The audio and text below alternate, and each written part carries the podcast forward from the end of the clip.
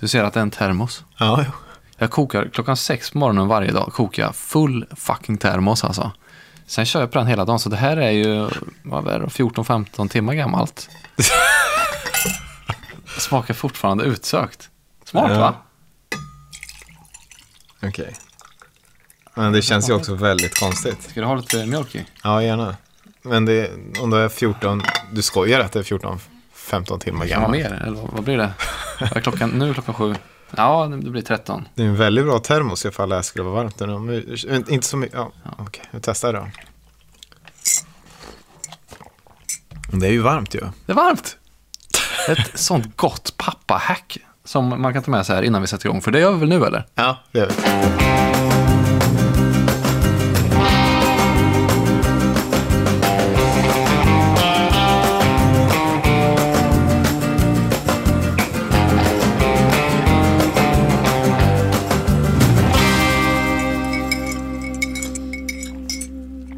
Är det på riktigt? Ja. Så jävla bra grej. Har det all day. Ja. Stark vecka ändå. Hur tänker du då? Ja, men det har varit flera starka inslag. Eh, Jag antar att vi kommer prata om eh, ditt raseriutbrott senare. Jo.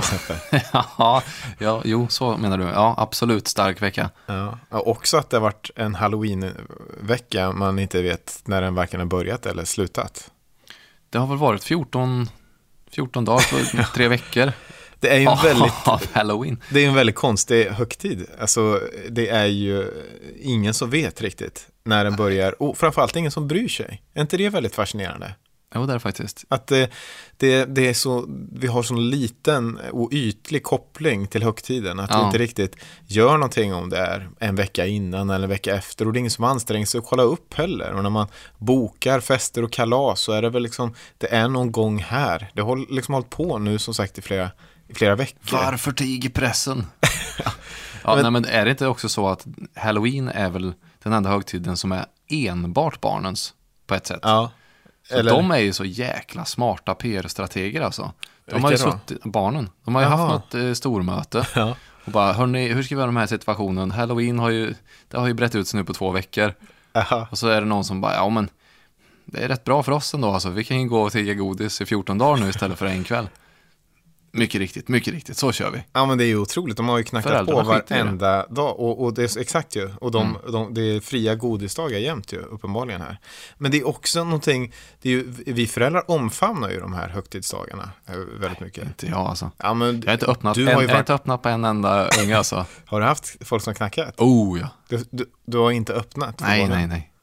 Vad menar du? Att du, du låtsas inte vara hemma eller? Att Ja.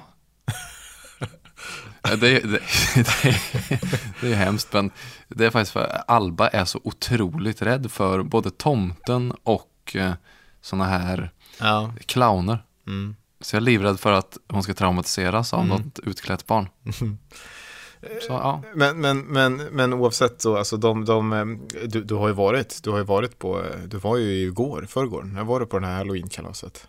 Var jag på ett halloween? Nej men det, det här diskot som det Ja, var. det var jag. Jag var på ett halloween-kalas, stämmer. Så att du, Ja. du är ju en del av det. Jo, Även om du har barn som är lite Ja. för, för, för ungt. Men det är ju det, det, det, jag menar. Alltså vi föräldrar, som föräldrar så, så uppskattar vi på något sätt de här högtiderna som skapas. Alltså att det bara blir aktiviteter. Det blir någonting att göra med barnen. Mm. Och någonting som vi kan liksom klä upp vår, vår tid och vår vardag. Ja, men så är det ju. eh, Kring. Ja, vi omfamnar alla. Jag tror att det är det som har gjort att den har växt så starkt och så snabbt. För jag har ju aldrig firat det, men i år har jag varit på typ fyra eh, halloween-kalas. ju.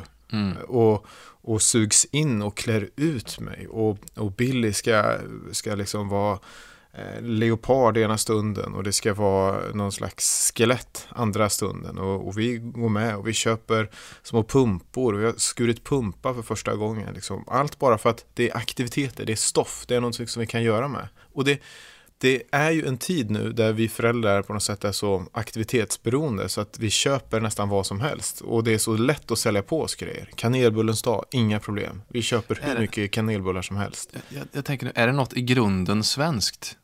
Att det är frammanat på grund av vår extremt frikostiga föräldraförsäkring då? Att vi, om vi planerar rätt, kan vara hemma i åratal. Jaha. Att vi blir så, alltså jämfört med andra nationaliteter, Ja. rädda för tanken att man ska vakna en morgon och inte veta vad man ska hitta på. Ah, du tänker så. Just det, att vi behöver fylla Ja. våra dagar med stimulans och Vi är några av de få människorna på jorden som har den lyxen, Mm. eller vad man ska säga. just det. Det är sant, det kanske är så. Det, Jag tror inte de har kanelbullens dag i... verkligen De, de har inte croissangens dag i Frankrike liksom. Våffeldagen eh, och så vidare. Våffeldagen, hela våffeldagen är ju bara, det var någon som missförstod vårfrudagen och så hade vi, får vi våff, det är klart du ska ha våfflor var det någon som sa. Och så plötsligt så gör alla någon som var föräldraledig. Antagligen alltså. Jag tänker att vi skulle kunna lansera också. Ja. Allra bäst är när man knyter det till en befintlig högtid som är urtråkig. Vem vet ens vad alla helgons dag är, vad man gör, förutom att gå till någon begravnings eller vet det, eh, kyrkogård. Liksom. Att det allra bäst om man kan knyta an till någon befintlig dag, Mm. eh, där man kanske är ledig eller man förstår att man ska ha någon typ av högtid och så liksom eh, vad har vi, Kristi himmelfärdsdagen till exempel. Ja. Där, där skulle vi kunna, det, det skulle Vad vi kunna lansera. Va, vad ska vi lansera för något? Ja, vi, vi, vi, vi kan väl göra istället för halloween då, då är det ju att, att någon är död och det är liksom mörker. Då kan vi göra tvärtom.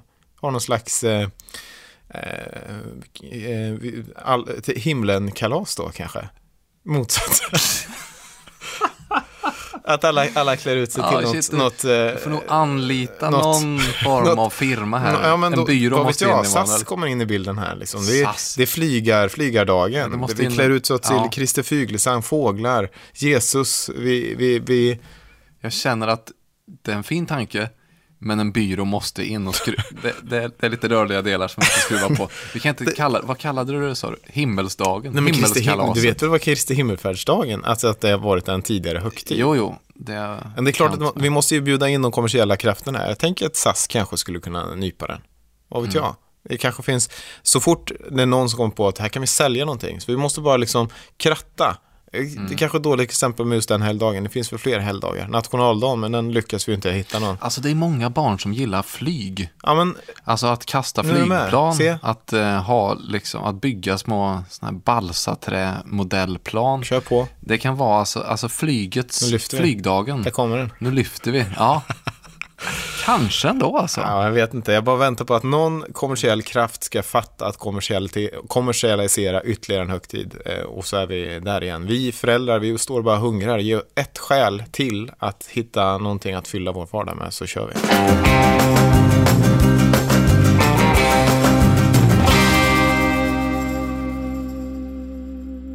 Det känns ju som att vi har byggt en väldigt fin eh, gemenskap, eller ett embryo till gemenskap med den här Facebook-gruppen som Alltså, vi då... Jag älskar vår Facebookgrupp. Ja. Mm. Faderskapstestet, pappagruppen som den heter. Och då, som sagt, det är ju ingen sida utan en grupp där alla liksom postar och är liksom forumaktigt för den som inte hänger med i, i det. Då. Men det har ju verkligen, vi har ju bara varit igång en vecka när vi spelar in det här drygt. Men det har ju ändå, tycker jag, under den här korta perioden varit många, som sagt, embryon till fina samtal och uppskattning. Inte minst såklart kring podden, men, men också kring att, att det här finns, tänker jag. Mm. Och ett, ett särskilt starkt segment kommer ju faktiskt från din pappa som är med i gruppen. Just det, jag, jag, jag, såg det precis innan vi satte Ja. igång och spelade in här. Exakt, det, det, det kommer verkligen idag då när vi spelar in. Och det, det är ju intressant då för att eh, han eh, lyssnar ju såklart och uppskattar så, såklart också förra avsnittet mycket där du just berättar väldigt vackert om, om, om, om en sekvens tillsammans med honom. Just det, den här anekdoten om hur han välte träd Mm. för att lura i mig att han var världens starkaste man, Mm. mer eller mindre. Och, och det intressanta med det är ju att han eh, minns det, men minns en helt annan kontext. Hur gammal var du när det här hände? Ja, lågstadiet. Och jag, jag tänker att vi kan läsa upp det för att jag tycker Ja. det är så starkt utifrån att ja, man, man som pappa då såklart precis som vi sitter och funderar så mycket kring hur man ska bete sig gentemot sina barn och göra det bästa och hur man gör någonting och sen så kommer barnet kanske uppfatta det som någonting helt annat. Ja, jag läser det bara rakt Gör det. Ja. Ja, Leif heter din pappa då. Eh, Rasmus pappa här, eh, skriver han. Eh, blev ju på ett sätt hyllad i förra podden och har funderat en hel del omkring vad tiden kan förändra perspektiven. Den där historien från mitt perspektiv ser ganska annorlunda ut. Jag hade läng en längre tid sett att Rasmus var ledsen och inte så gärna ville gå i skolan och funderade mycket på vad det kunde bero på. Och en dag så, då jag lämnade av honom vid skolan på väg till jobbet så körde jag runt kvarteret och ställde mig dold för att se vad som hände på skolgården. Alla barnen stod och lekte och spelade boll men Rasmus stod ensam i ett hörn av skolgården och fick inte vara med. Och jag ville bara springa in och ryta till alla att ser ni inte att min son är ensam? Men visste att det inte skulle hjälpa honom utan ytterligare försvåra hans situation. På kvällen så pratade vi om hur han hade det och plötsligt så brast allt för Rasmus och han var otröstlig. Jag ville verkligen hjälpa honom att lösa problemet och allt det jag kom på var att gå ut i skogen och välta träd. Jag kände mig så totalt otillräcklig för honom att bara komma med detta då hela hans tillvaro tycktes själva. Att sen 25 år senare få reda på att just det hade hjälpt honom är befriande och fantastiskt. Så ett råd till er som just börjat resan med att vara förälder är ju att närvara i problemen. Det är mycket viktigare än lösningarna. Att våga vara där med dem utan att ha lösningen är kanske det viktigaste vi kan ge de små.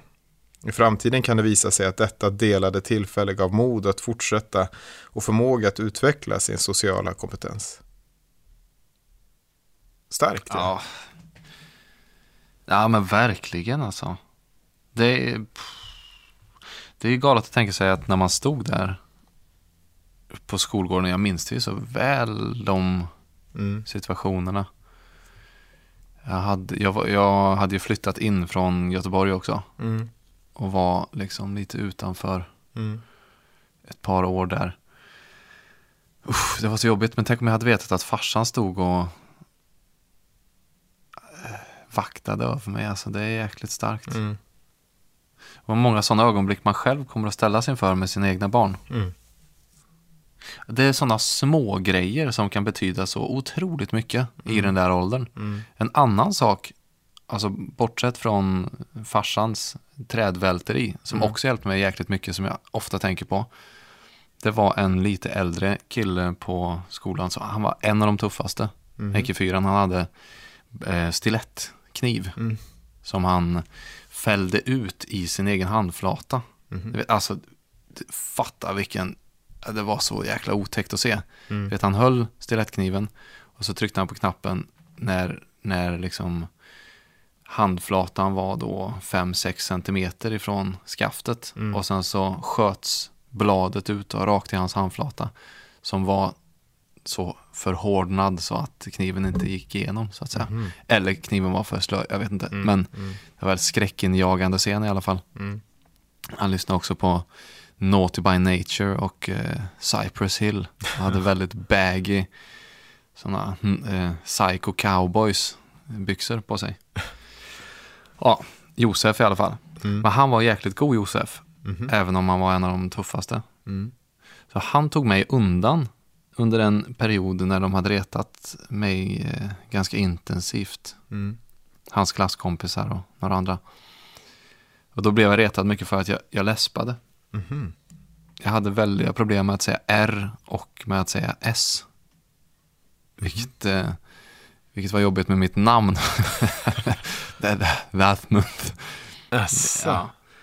Eh, men i vilket fall som helst så blev jag väldigt retad för jag mådde dåligt. Eh, så tog han undan mig och så sa han, du Rasmus, jag var livrädd ju. Ja. nu är det stiletten i halspulsådern här alltså. Ja. nu, nu, är det rullstol. Aha. Alltså, ja, så, ja jag, jag har sett att de andra retar dig för att du läspar. Ja, alltså. Ja, men jag tänkte bara säga det till dig att i England och USA, där läspar alla. Du kommer bli så extremt mycket bättre på engelska än vad någon av dem där kommer bli. Ja. Så det, du kommer vara så glad för din, ditt läspande när du blir äldre alltså. Ja. Det var också en sån briljant grej. Förlösande, ja. För att återigen så erbjöd ju det mig en sköld mm. som inte kostade något för honom. Mm. Det kostade inget i hans eh, hackordning på skolgården att erbjuda mig den lilla skölden. Mm. Alltså jag tänker, bägge de här två exemplen tänker jag väldigt mycket på. Vad mäktigt det skulle vara om man hade den förmågan att vara, erbjuda de här sköldarna till sina egna barn. Mm. Ja, verkligen. Ja, nej, eh, Det handlar bara om att erbjuda motbilder. Ja.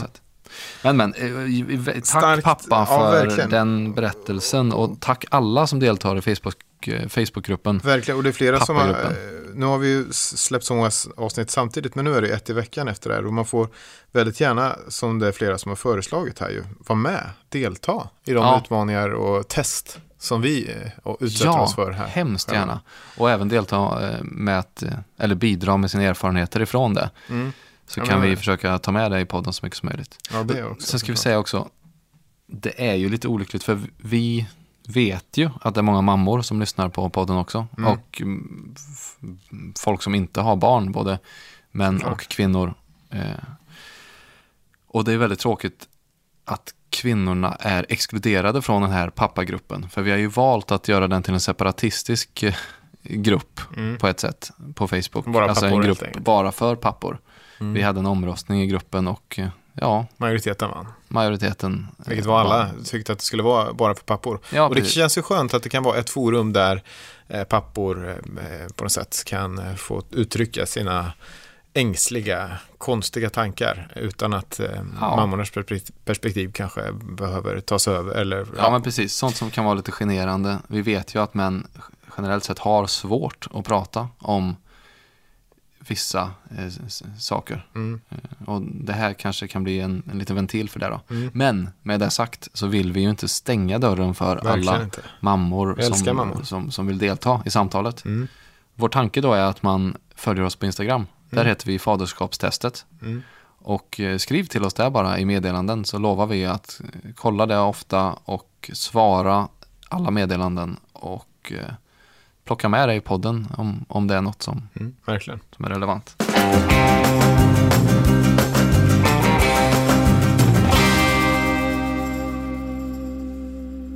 Veckans uppdrag, Emanuel.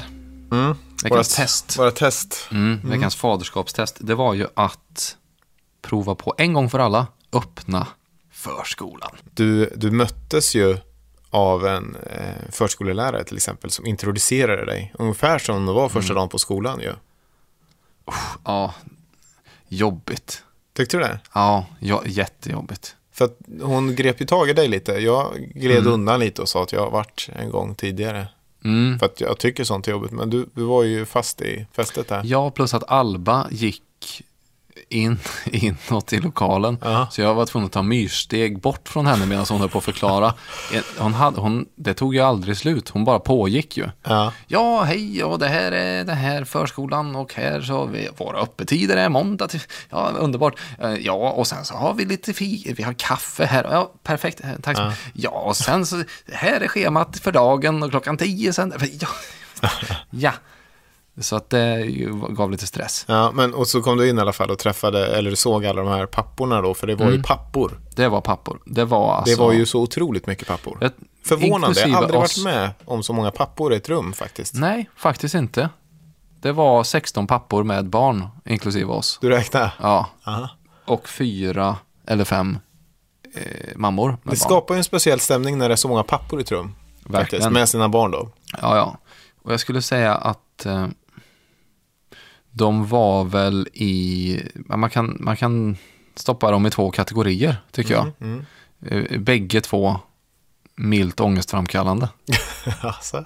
Ja, eh, den ena kategorin var eh, de som, jag ska inte säga, ja, verkligen inte, nej men verkligen inte så här ge upp, men, men alltså som, som var där för att pusta ut. Ja. Man kände att här är det, usch, De var döda i här är blicken. det tufft, här är det kämpigt. Ja. Och eh, de, det var ju milt ångestframkallande för att där kände jag att jag själv verkligen tillhörde.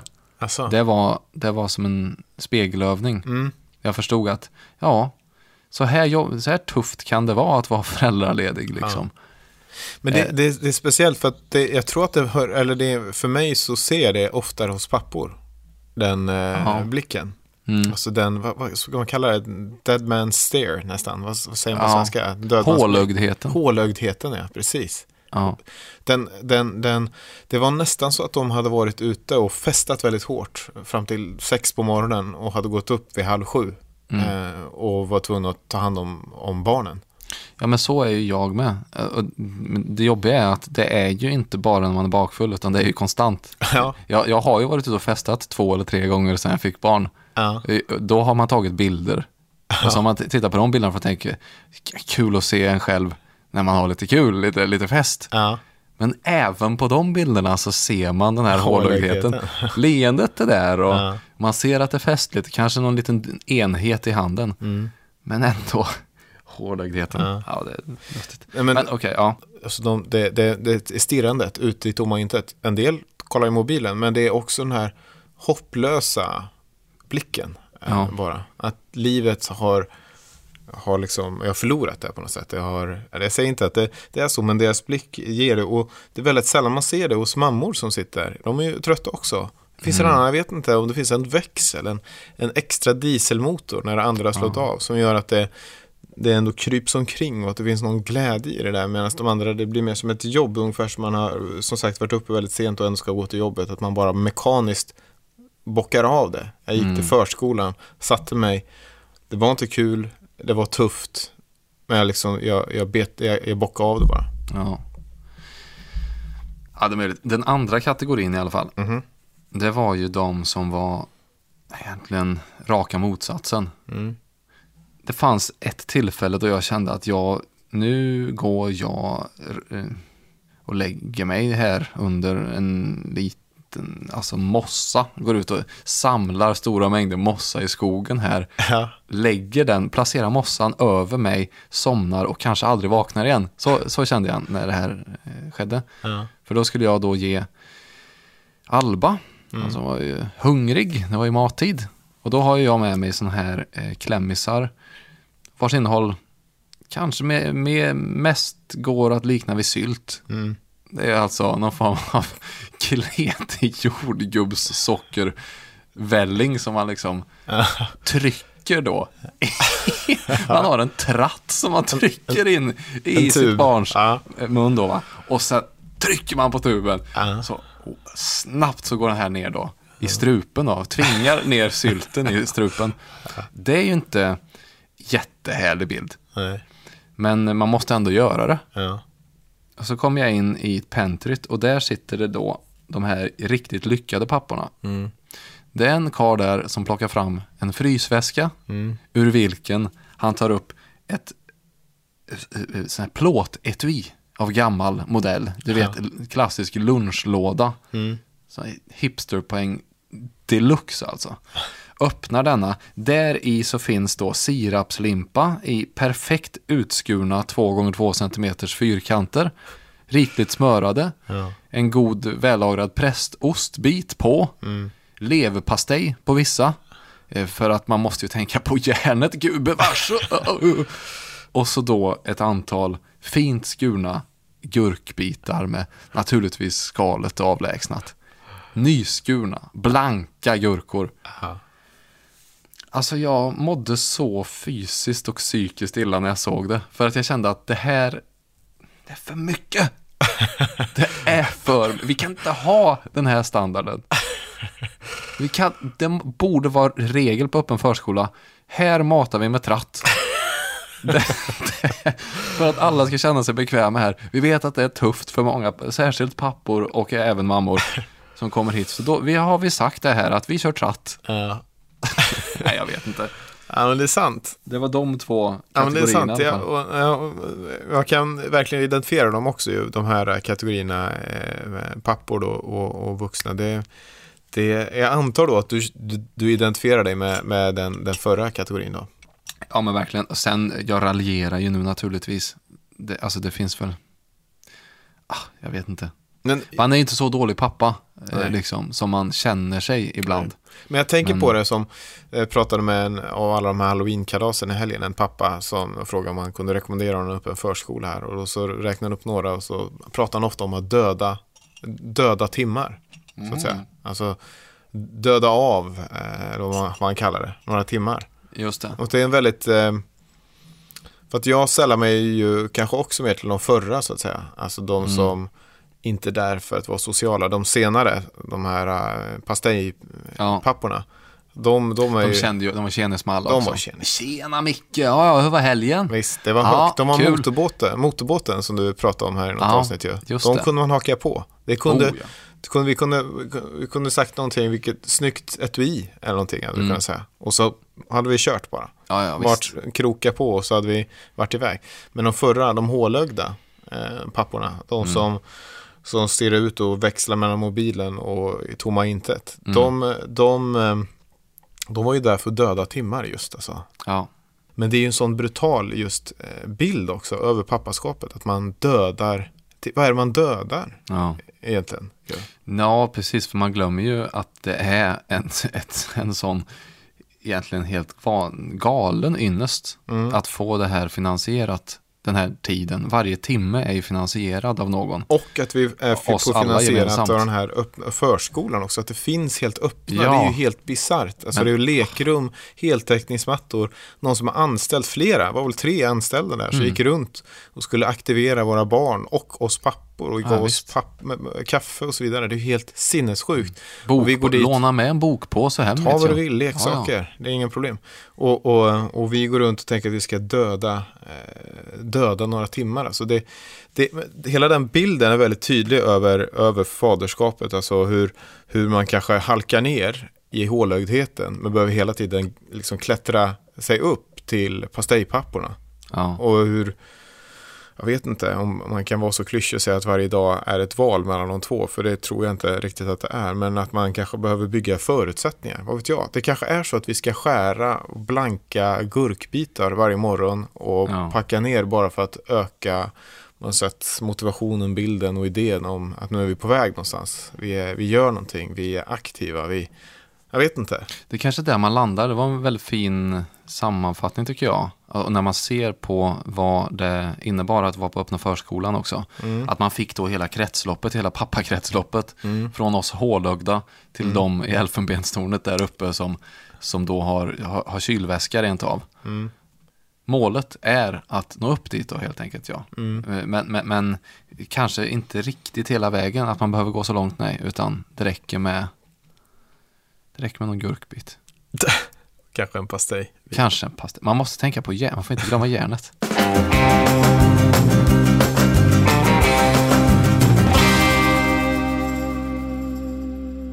Det är ju fars dag på, eh, på söndag. Det stämmer. Grattis Emanuel. Ja, men grattis eh, Rasmus antar jag. Ja, det, man säger, jag vet inte om man säger grattis på skitsamma. Ja, det är fars dag det är fars dag. Det här kanske är ytterligare då en sån här som vi pratade om tidigare, ytterligare en halloween-högtid som vi då kommersialiserar och som vi älskar för att vi kan hänga upp Förmodligen. ja, vår, vår tid kring. Hur som helst, det ska bli spännande. Eh, det är alltid spännande att se vad som händer, vad ens barn kokar ihop. Det är din första fars dag inser jag nu. Nej, andra kanske det är. Ja, Just det, för det är, hon är över ett år. Ja. Skitsamma. Det vi skulle prata om, eh, om om det här nu, det är i alla fall att vi ju har en partner till podden. ja. TCO. Ja, TCO precis. Underbart. Som har ett väldigt bra tips eh, inför eh, faderskapsdagen, att säga, fars dag. Ehm, och det är boken Swedish Dads. Har du sett den eller? Nej, men jag, jag, jag är bekant med fotoutställningen som ju gjorde någon form av internationell succé. Ja. För det är den va, eller? Precis, det är fotografen Johan Bävman som har gjort en eh, fotobok av eh, den här utställningen. Det, tror jag var internationellt en stor succé, kanske mer än nationellt. För att det skapade verkligen bilden av pappor som var jämställda och tog ut liksom lika mycket åtminstone eh, ledighet som mammor och så vidare. Jag har sett bilderna. Det är bilder, ganska intima bilder, många av dem, på starka bilder är det. svenska pappor i in, intim samvaro med sina barn. Klassiska mammabilder skulle man kanske säga om man skulle vara fördomsfull och, eller eh, konservativ. Som genrebild betraktad, så Ja. som eh, mammor ofta har porträtterats. Precis. Den här i alla fall har TCO eh, köpt in och delat ut till en rad beslutsfattare och politiker på olika nivåer för att ja, egentligen lyfta det som vi pratade om då, alltså hur vi med, eh, kan uppnå ett jämställt samhälle på arbetsplatser och i hemmet och hur vi behöver liksom, eh, utmana traditionella könsroller just att så in lite tankar hos eh, våra beslutsfattare. Eh, Så eh, de här bilderna och går ju att hitta om man egentligen googlar bara på Johan Bävman och Swedish Dads. Och, och kanske är det ett bra tips också, vad vet jag, till beslutsfattare om inte annat, att köpa boken. Ja, men visst. Vi behöver alla bilder på jämställda pappor. Tack TSO. Det har varit en stark vecka. Mm. Jag fick ju mina första häcklare och du var med och fick se vad som skedde. Ja. Ja, Det här, det, det här är ju väldigt, alltså det är en väldigt intressant del av dig, eh, hela, alltså vad, vad du utsätter dig för ibland då. Ja. Väldigt, eh, som gör att man älskar dig väldigt mycket, att du, som i det här fallet då, satte på dig en slags eh, bingo-utroparhatt. Peruk. Peruk, bokstavligt Ja. talat, gjorde du. Mm. Att du åker då till en eh, bingokväll, eh, klär ut dig i peruk, går in i karaktär och blir eh, bingoutropare då. Ja, det är en kompis med frågade om jag, om jag kunde vara bingoutropare. Det kändes så tråkigt att gå, gå som sig själv. Ja. Så jag, istället så har jag då byggt upp någon karaktär med liksom leopardskjorta, en riktig jäkla konstig fris- frisyr, Ja. peruk, solglasögon och så kallar jag mig själv då för Jörgen Danielsson. Ja, men, och det här är ju ironiskt då. Men du gör ju det här eh, oironiskt ibland också. Jag har varit på ett annat tillfälle, en dansbandskväll, där du var oironisk, mer eller mindre i alla fall då. Ja, alltså jag är inte ironisk utan det är mer att det, det är kul att ha en karaktär. Mm. Ehm, men den här Jörgen Danielsson är lite obehaglig. Ja, Alltså, tycker lite för gott om sig själv, kan Mm. man väl säga. Och är inte särskilt bra på sitt jobb. Det, det är väl karaktären. ja, och du var i alla fall eh, den här då, eh, personan Ja, under den här kvällen. Och det var Precis. då dina häcklare trädde fram. ja det, var, det, det satt ett sällskap precis vid DJ-båset där jag stod då som Jörgen Danielsson. Mm. Och eh, vi spelade låtar med jämna mellanrum. Och upp, min uppgift då ifrån arrangörens sida, det var att jag skulle tala så länge som möjligt emellan låtarna. Aha. För annars skulle det vara slut alldeles för tidigt. Okej. Bingot. Men efter varje låt när jag tog micken så var det här bordet väldigt snabba på att börja sucka. Och så började de skrika kom igen nu. Ja, ja, ja, ja, ja, ja, nästa. Tyst med dig, nästa låt. Alltså så. Ja. Och efter 10-12 tillfällen så kände jag att mi- min eh, energi är helt slut nu. Jag är inte längre Jörgen Danielsson. Jag vill bara, jag vill bara ta av mig eh, peruken och gå härifrån. Men det kan jag ju inte. Nej. För att det är ju många som spelar det här bingot och det är priser och allt möjligt. Mm. Så jag var fast då i det här. Mm. Men det är egentligen ointressant historia kanske. Det mer intressanta är vad som sker efteråt då. Mm. Och Och, jag har också- inte sett eh, någonting av de här för att jag satt lite längre bort och höll på med någonting annat och ska komma fram till dig efteråt och ser dig, aldrig sett dig så. Och det här är ju väldigt fascinerande för att du är en sån eh, konflikträdd person. Ja, Otroligt konflikträdd. Eh, du har jag tror aldrig tagit en konflikt med mig nästan. nej. Eh, och det frustrerar mig ju, för att du borde verkligen göra det många gånger. Mm. Men det gör du inte. Och helt plötsligt så går jag fram och ser dig helt rasande. Alltså det är någonting svart i blicken. Ja. Och du, du, du skäller ut den här personen. Ja. Och, och, och, och du, du gör det inte oförblommat utan du verkligen du spänner ögonen. Och du vet, det, det, Ja, men alltså jag förintade ju den här stackars människan. ja, jag backar alltså. Jag, alltså, jag, jag hade ju alla rätt på min sida. Mm. Och den här personen hade läst situationen helt fel. Den Okej. hade nog tänkt att det är lite raljant stämning här så att det är nog rolig humor om vi gör så här varje gång. Mm. Men sättet, alltså jag tror aldrig jag har gett någon en utskällning som var så utstuderad och brutal. Mm. Och verkligen, det var, jag sköt knäskålarna av den här människan. Alltså, det, var- det, Ja. men jag kunde inte hejda mig. Nej. För jag, hade, jag var så rasande. Jag var så heligt, heligt förbannad. Ja. Så jag bara, nu, nu kör vi här. Var det, var det mycket annat liksom, som kom upp här? Eller var, Förmodligen, eh, förmodligen jättemycket frustrationer. An, gammal konflikt, eh, Ja, ja. Gamla konflikter som Jag lägger fick ju det på en liten hög alltså. Och sen så får, kommer någon stackare så här, ut. och då bränner jag alla broar med den Ja, människan. det. Ja, i vilket fall som helst, det skedde. Jag borde ha mått bra när jag åkte hem därifrån. Mm, För att jag stod upp för mig själv. Jag, jag har alltid tänkt att jag borde bli bättre. Jag borde ta konflikter. Jag borde stå upp för mig själv. Jag borde inte ta skit helt enkelt. Mm. Som jag gör hela tiden. Verkligen. Varför ska jag stå med mössan i hand Mm. var och varannan dag? Mm. Stå upp för dig själv. Så gjorde jag det för en gångs skull. Och mådde jättedåligt.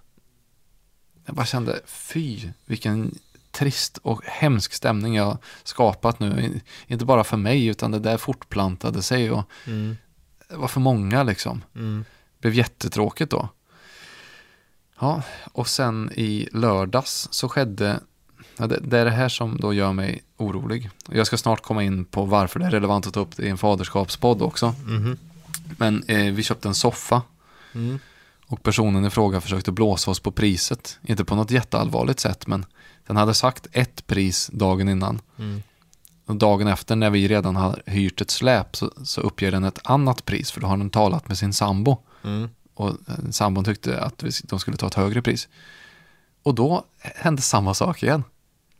Mörkret sågs på, eller vadå? Ja, normalt sett så hade jag bara, ja, ja, absolut, ja, absolut, min, min herre, absolut, Pilsner, vi kommer. Rasmus då. Mm. Ja.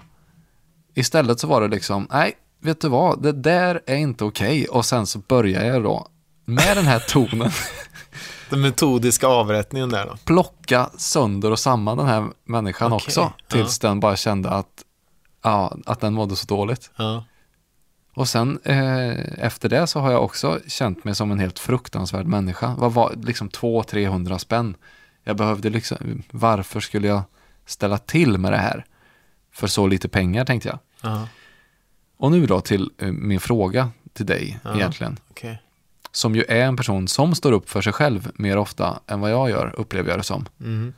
Vill man lära sina barn att de ska stå upp för sig själva egentligen?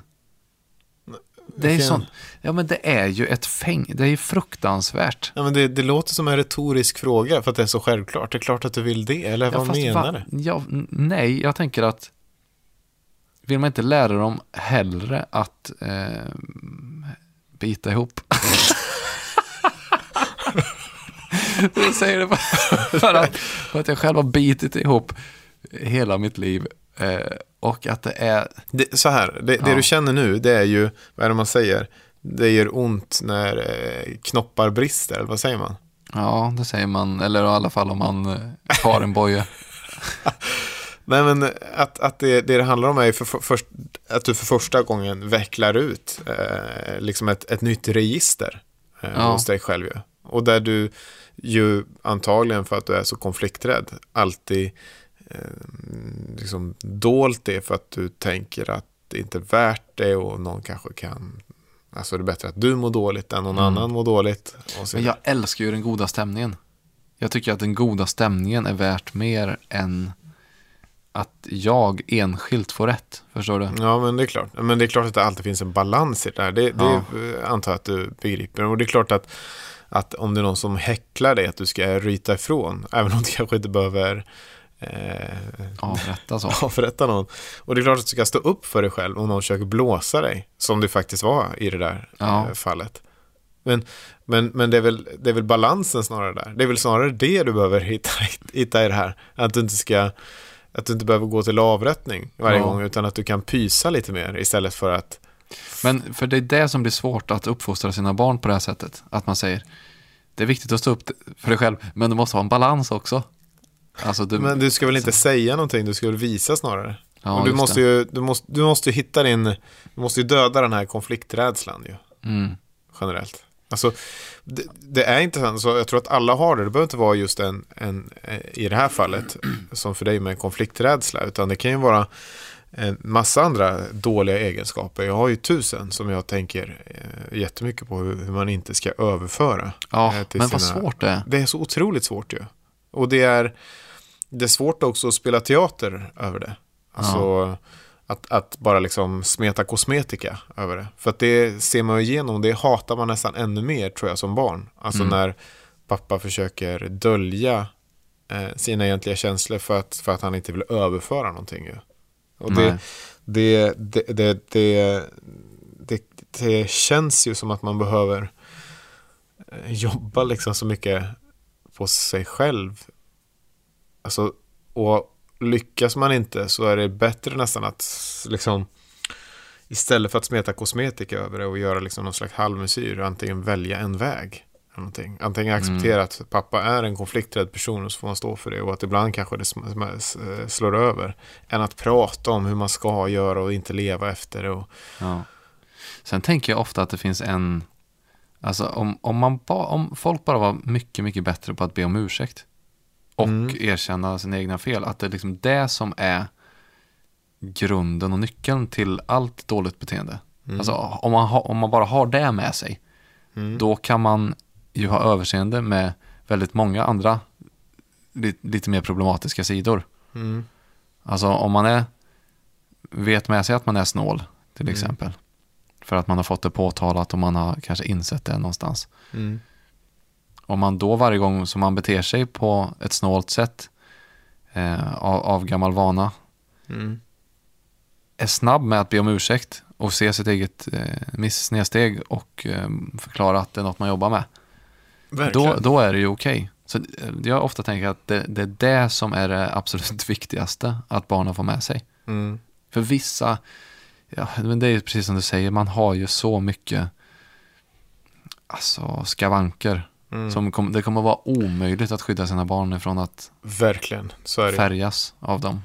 Men det är väldigt sant alltså. Och jag brukar ofta säga det till Billy som är mycket medveten nu och härmar mycket när jag har liksom kort tålamod med henne och så vidare. Och kommer på mig själv vilken vidrig pappa jag är som, eller vidrig, vilken, vilken hemsk pappa jag är som hetsar henne helt orimligt mycket bara för att jag är trött på att hon tar lång tid på sig när hon ska klä sig och gå ut. Eller från liksom sitt rum ut till hallen och vi ska, ja, vad det nu kan vara.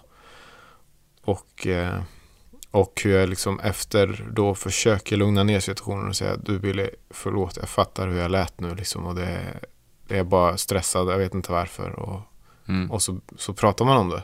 Det är nog så viktigt alltså. Ja, och det jag märker är att hon tar efter det också. Och jag märkte det senast här i, i helgen när hennes kusin Blanka var hemma.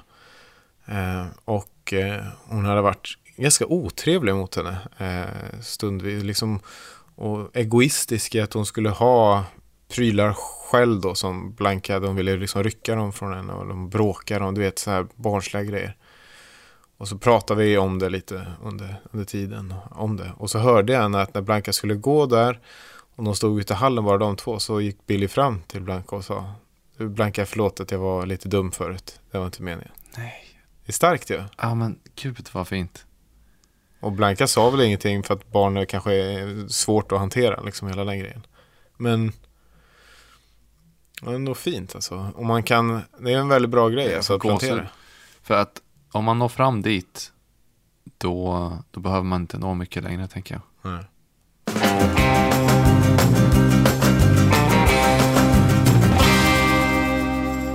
Jag är så väldigt glad att Mat.se är med och sponsrar den här podden nu. För att det innebär att jag kan prata om dem djupt och brett och mycket även i det här sammanhanget. Vilket jag ju gör för varje människa jag träffar nästan. Jag har nog hört dig prata om den här tjänsten Mat.se. Ja, jag vet inte hur, alltså inte lika ofta som du pratar om dina barn, men lite långt därifrån. Ja, men det är ju för mig helt obegripligt att man att, att matbutiker överhuvudtaget existerar nästan. Det har ju förändrat, vi, alltså vi, jag skulle kunna räkna hur mycket tid eh, jag och vi tidigare har lagt på att springa matbutiker och, och vad, vi, vad vi tjänar. Det är, ju, det är ju veckor på ett år säkert. Jag vet inte. Ja, men finns det inte något väldigt härligt i att eh, butikerna finns kvar? Att man jo. kan gå i butikerna. Ja, men det är klart att butiker man går och finnas... luktar och känner på avokado, man små, man, man tjabbar lite. Ja, det här, alltså det, det, här, det, här, det här är förbluffande för mig. Att du försvarar det här och att du fortfarande inte hoppat på det här tåget. Men nu eh, tycker jag Rasmus att ja. inte, nu har du inga nu har du inga försvar och skäl och ursäkter kvar. Nu är Mat.se sponsor och det kommer bli min livsuppgift att göra dig, i alla fall att få dig att testa. Ja, men vi, låt oss börja där. Ja, vi börjar där. Jag är jättetacksam att ja. Mat.se är med oss på färden, för det gör det ju betydligt enklare för oss att göra den här podden. Ja. Frågan är om det också kan göra det betydligt enklare för mig att leva. Det får vi väl se då. Ja, okej. jag, jag testar till nästa vecka. Till nästa vecka ska du använda appen. De, de, du kan få välja vilket leveransrum som helst. Du kan välja liksom smalt utrymme där de ska, exakt när de ska vara hemma hos dig. Även på helger. Eh, fraktfritt efter 700 spänn tror jag det är. Eh, välj någon gång när som Ja, helst. riktigt jävlig tid, tidig svinottan på söndag. du tror att det ska blir störa härligt. dem, det är ju du som blir- möjligtvis blir störd av det. Ja, det är för sig sant. Hur som helst, som bär upp innanför dörren, upp för alla dina trappor. Det, det, det, det, du, kom, du kommer förändra ett liv, Rasmus. Ja, vi får se. Nästa Nästa, vecka, in, eh, tjonga på appen och så får vi se vad du tycker. Okej. vecka vet vi. Vi måste ha test och vi måste...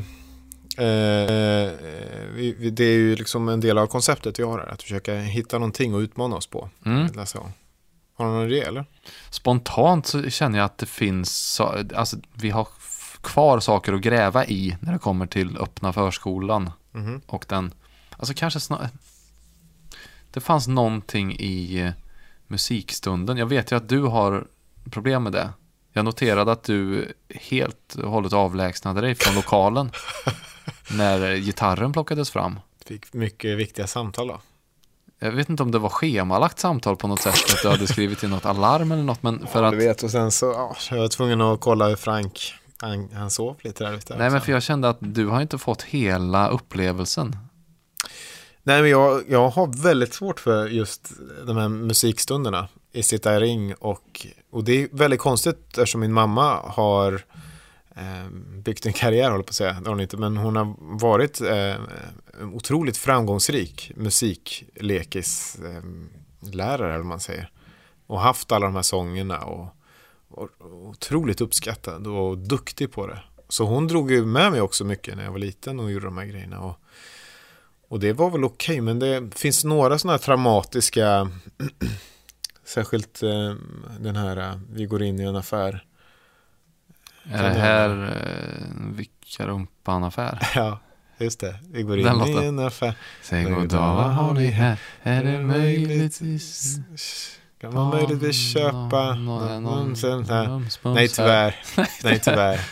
För Nej. vi, Ja, och så har man- jag kommer Vilka ihåg- rumpan-affär, Vilka rumpan-affär är i alla fall grejen är. rumpan-affär. Man gör ju massa olika grejer där. Och vilka rumpan är, ett, en, liksom, det är väl en vers fem eller någonting. Och Mm. det, jag vet inte, det är någonting i mig att jag var, vad kan ha varit fyra, fem år som tyckte att det var så otroligt genant kanske att jag såg min mamma vicka rumpan eller att jag själv skulle göra det eller att det jag vet inte varför, att, hur medveten är man som fyra, femåring om det här?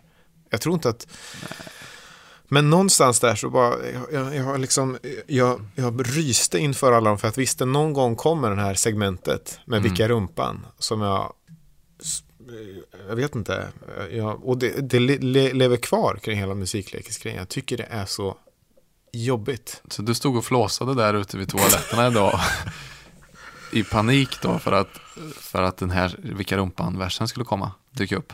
Jag vet inte, nu har det bara blivit en grej tror jag. Men här och- har vi ju testet. Du hör Ja. det ju själv. Vi ska ju gå på barnrytmik. Ja, Vi får bara gör, riva av det här plåstret. mm. Du ska vicka rumpan. Du, du ska in på en vicka rumpan-affär. Ja, men då hörs vi nästa vecka då när vi har vickat rumpan.